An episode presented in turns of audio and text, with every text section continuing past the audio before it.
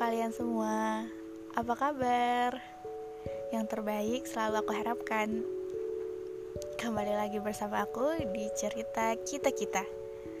Kali ini, biarkan aku bercerita.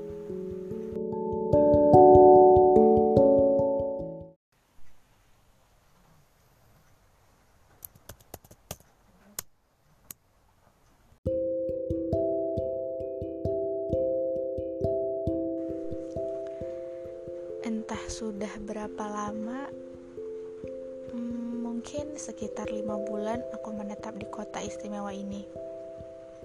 Dan baru hari ini aku merasakan hujan di sini setelah sekian purnama. Sialnya, ia datang ketika aku masih berada di kawasan kampus. Ia menjebakku di sana bersama rumunan manusia lainnya kelasku usai tepat pukul 5 sore. Dan saat itu pula hujan mengguyur bumi Yogyakarta dengan hebatnya. Beberapa orang memilih pulang bersama motornya di bawah guyuran air hujan. Dan beberapa orang termasuk aku menunggu kalau-kalau ia reda dengan sendirinya. Kami yang menggantungkan nasib bersama hujan hanya bisa duduk termangu di depan kelas, bersandar di tiang-tiang bangunan yang menjulang kokoh, atau tegar berdiri memandangi aliran air yang terbentuk di jalanan. Hari ini, teman dudukku, iya Anggit, masih ingat kan? dia lebih dulu keluar kelas dan berhasil pulang dengan selamat. Biasanya, jika sore hari begini, kami akan pulang berjalan kaki bersama. Kebetulan sekali tempat tinggal kami searah. Namun sepertinya hujan sengaja memisahkan kami hari ini. Tak apalah, pikirku. Bagian dari mereka yang setia berdiri menatap air yang terus mengalir. Tapi tiba-tiba saja seseorang menepuk bahuku pelan. Dinda, ucapnya menyapaku. Aku menoleh ke arahnya, lalu tersenyum ramah. Dia Lisa, teman sejurusanku. Beruntungnya, tempat tinggal kami juga searah. Pulang yuk, ajaknya. Aku melihat sekeliling. Beberapa manusia menerobos hujan begitu saja, membiarkan tubuh mereka basah kuyup. Lalu aku melihatnya. Ia mengeluarkan payung kecil miliknya.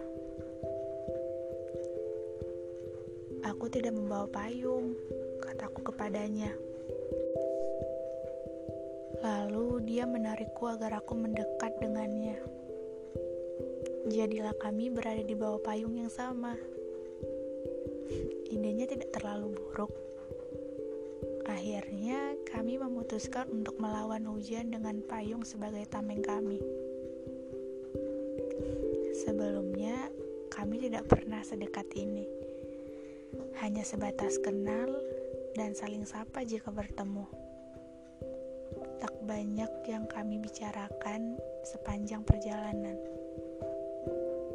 Mungkin hanya saling tanya di mana tempat tinggal kami, berapa biaya per bulannya, dan hal kecil lainnya.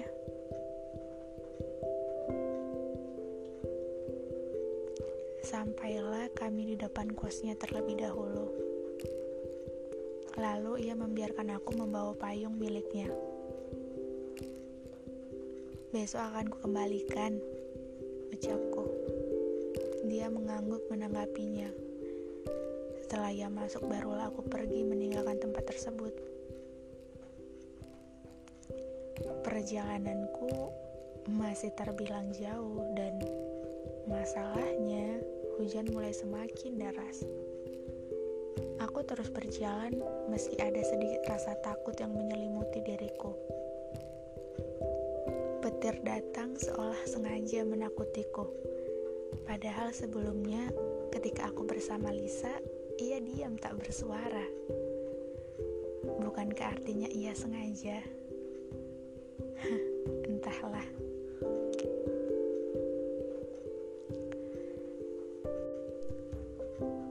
Di pertigaan, aku melihat sesosok anak laki-laki yang kira-kira berusia tujuh atau delapan tahun mungkin. Ia berteduh di bawah pohon, memeluk diri kedinginan. Aku berhenti di depannya. Barangkali rumahnya searah denganku. Mau berbagi payung denganku? Tawarku ketika tahu rumahnya tak jauh dari tempat tinggalku. Dia melihatku menelisik. Mungkin ia takut aku akan menculiknya. Tapi, apakah tampangku seperti seorang penculik? Batinku. Ayo mbak, putusnya kemudian. Aku tersenyum dan mencondongkan payung yang kupegang ke arahnya. Dari tadi, orang-orang hanya memandangi saya. Katanya mulai bercerita. Mbak orang pertama yang menawarkan diri membawa saya bersama Mbak pulang. Aku diam dan terus berjalan mengikuti langkah kecilnya. Mungkin mereka pikir kamu menunggu seseorang, ucapku menyimpulkan. Bisa jadi, Mbak. Aku tersenyum menanggapinya. Melihat Mbak, saya jadi ingat omongan ibu. Lanjutnya, aku melihat ke arahnya, melihat dengan tatapan seolah bertanya, "Kenapa gitu?"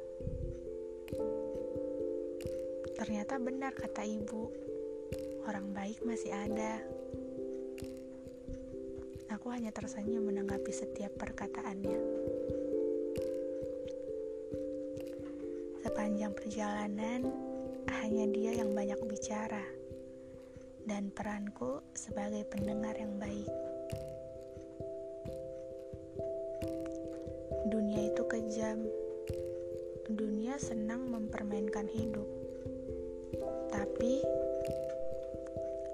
Sekejam apa pun dunia, selalu ada manusia baik yang berperan sebagai malaikat penolong. Itu katanya. Aku tidak tahu dari mana ia mempelajari kalimat-kalimat itu. Bukankah kalimat itu terlalu berat untuk usianya? Hari ini ia bertemu denganku. Katanya, Pertemuan kami adalah bukti perkataannya barusan. Katanya, hari ini ia bertemu denganku. Katanya, pertemuan kami adalah bukti perkataannya barusan. Katanya, akulah si manusia baik itu.